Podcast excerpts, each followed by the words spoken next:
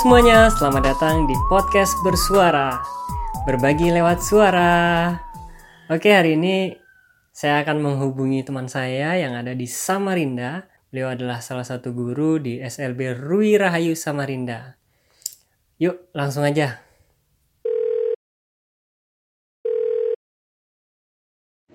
Halo, apa kabar Ibu Vela? Selamat sore.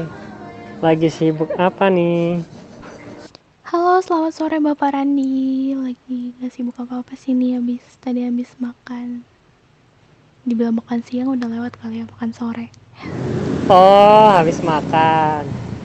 Jadi selama musim corona ini kegiatannya apa aja nih Bu Vela? Kan ini ya work from home. Anak-anak juga belajar di rumah. Jadi kegiatannya apa nih? Uh, jadi kegiatan saya selama pandemi corona ini ya cukup banyak sih walaupun di rumah yang pertama ya. Pastinya ngajarnya kerja dari rumah ngajar dari rumah juga. Terus sempat cover lagu juga sama teman-teman. Dan apa lagi ya? Belajar ngedit-ngedit ini juga sih. Ngedit-ngedit musik juga melalui salah satu aplikasi itu sama cover-cover beberapa lagu. Dan masih banyak lagi sih. Pastinya pekerjaan rumah juga. Wow luar biasa. Berarti banyak juga nih kegiatannya selama work from home. Nah kita bahas satu-satu ya. Yang pertama nih mengenai mengajar dari rumah. Nah kalau boleh tahu nih gimana caranya bisa mengajar anak-anak berkebutuhan khusus dari rumah. kira kira-kira aplikasi apa yang dipakai, terus bahan pembelajarannya gimana? Uh, aplikasinya saya pakai alat perekam suara lewat handphone sih. Nah, jadi untuk bahan-bahannya saya ambil dari beberapa buku pelajaran yang saya bawa pulang, kemudian saya rekam dalam bentuk audio dalam format format ini ya, format WAV. Nah, kemudian saya kirim ke uh, siswa itu lewat WhatsApp. Seperti itu. Kadang-kadang kalau bosan kalau bosan saya biasanya gabungkan materi yang saya rekam dengan background musik. Jadi mereka bisa belajar sambil mendengarkan hmm, ini background. Jadi mereka nggak nggak bosan. Wow ya luar biasa ya Berarti muridnya nggak pernah bosan ini sama ibu gurunya, soalnya cara pembelajarannya kreatif dan inovatif. Nah ini berhubungan dengan lagi ngoprek-ngoprek aplikasi recording ya tadi kalau nggak salah. Aplikasi yang digunakan apa ya? Nah, terus eh, sudah sejauh apa nih pengoperasiannya? Nah, dengar-dengar juga cover lagu bareng Rino dan kawan-kawan. Nah, itu aplikasinya apa dan seakses apa sih aplikasi itu untuk tunanetra? Iya benar, uh, sempat cover lagu bareng Rino dan teman-teman tim Band juga sih gitu kan. Dan kebetulan dari situ juga saya belajar mengoprek-oprek aplikasi namanya Reaper. Nah, itu aplikasi untuk edit suara maksudnya untuk mix suara dan musik yang direkam. Kualitasnya kurang lebih sama kayak uh, musik-musik rekaman pada umumnya gitu. Dan uh, sejauh ini pengoperasiannya sih udah lumayan bisa sih ya karena udah mulai bisa uh, gabungin gabungin suara dan musik karena saya masih belajar juga. Kebetulan belajarnya dari Rino juga. Sejauh ini udah mulai bisa menggabungin menggabungkan suara dan musik yang udah direkam terus menambahkan efek seperti itu. Dan untuk tunanetra cukup akses sih karena aplikasinya itu nggak terlalu sulit untuk digunakan. Apalagi yang seneng edit-edit musik dan suara itu pas banget itu nama aplikasinya Reaper Reaper ya Oh iya, itu banyak dipakai sama teman-teman tunanetra ya. Wah, berarti program Reaper ini udah mumpuni lah ya. Dipakai untuk recording dan edit-edit audio musik. Iya, benar sekali. Oke, mantap. Lanjut ke pertanyaan selanjutnya ya, Bu. Nah, kita beralih ke masa lalu gimana sih ceritanya Ibu Vela bisa jadi seorang tunanetra? Waktu kecilnya dulu seperti apa ceritanya? Kalau saya jadi tunanetra sebenarnya dari lahir sih. Namun dari hmm, bayi sampai lima tahun, nah itu saya uh, masih low vision. Kemudian pada saat umur lima tahun mata sebelah kanan itu dioperasi karena hmm, di diagnosa oleh dokter saya terkena ini.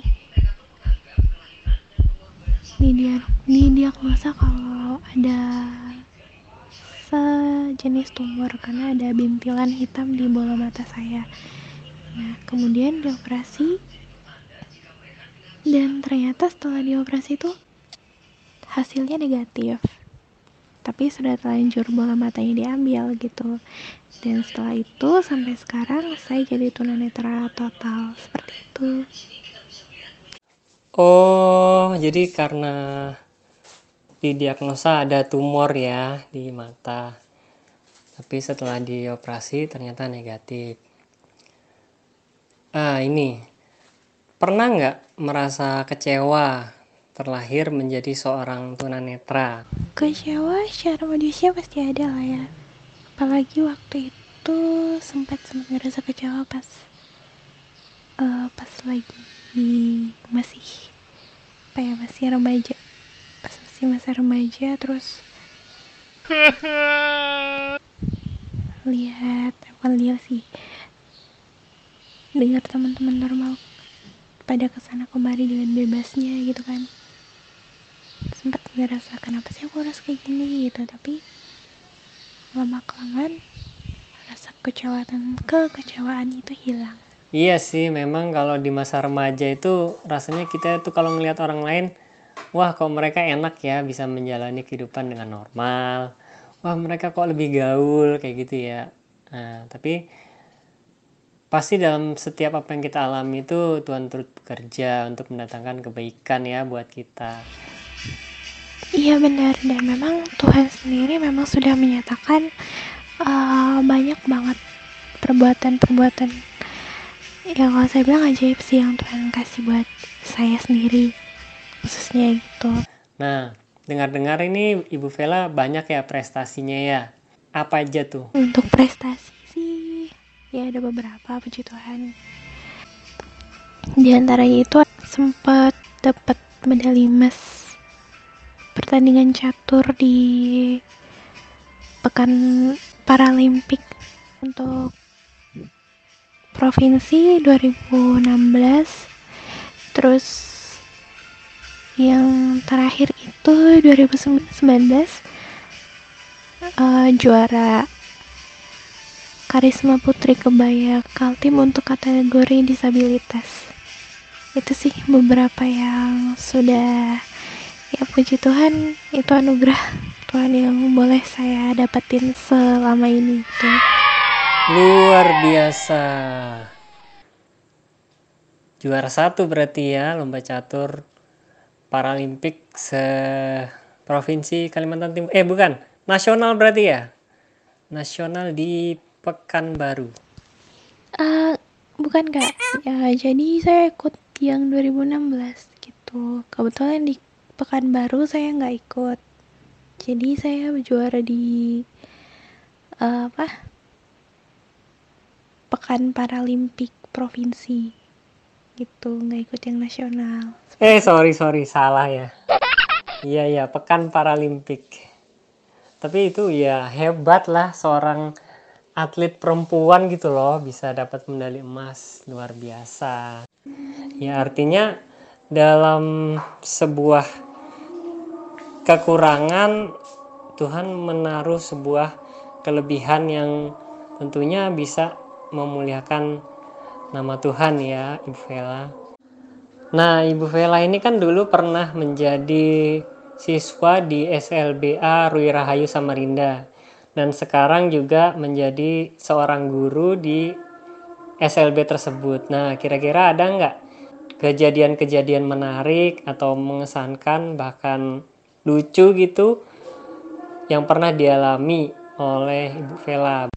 Uh, untuk kejadian kejadian lucu sih banyak gitu. Yang paling lucu sih waktu penyesuaian sih. Pertama saya mengajar itu kan ketemu adik-adik kelas yang masih eh, SD sama SMP nah itu mereka harus menyesuaikan antara memanggil kak ke ibu. Itu mereka agak kesulitan itu kadang-kadang masih bingung-bingung dan akhirnya mereka uh, salah satu siswa itu ngambil jalan mungkin jalan pintas sekali ya supaya lebih nyaman.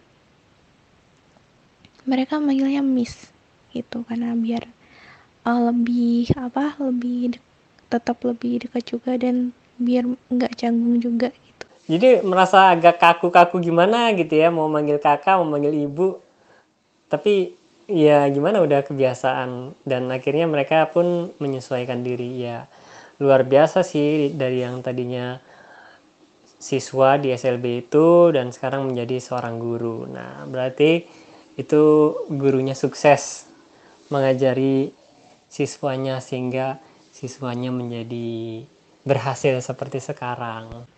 Iya, benar. Dan saya juga bersyukur karena punya guru-guru yang luar biasa yang bisa membimbing dan memimpin dan mendidik saya sampai sekarang. Dan uh,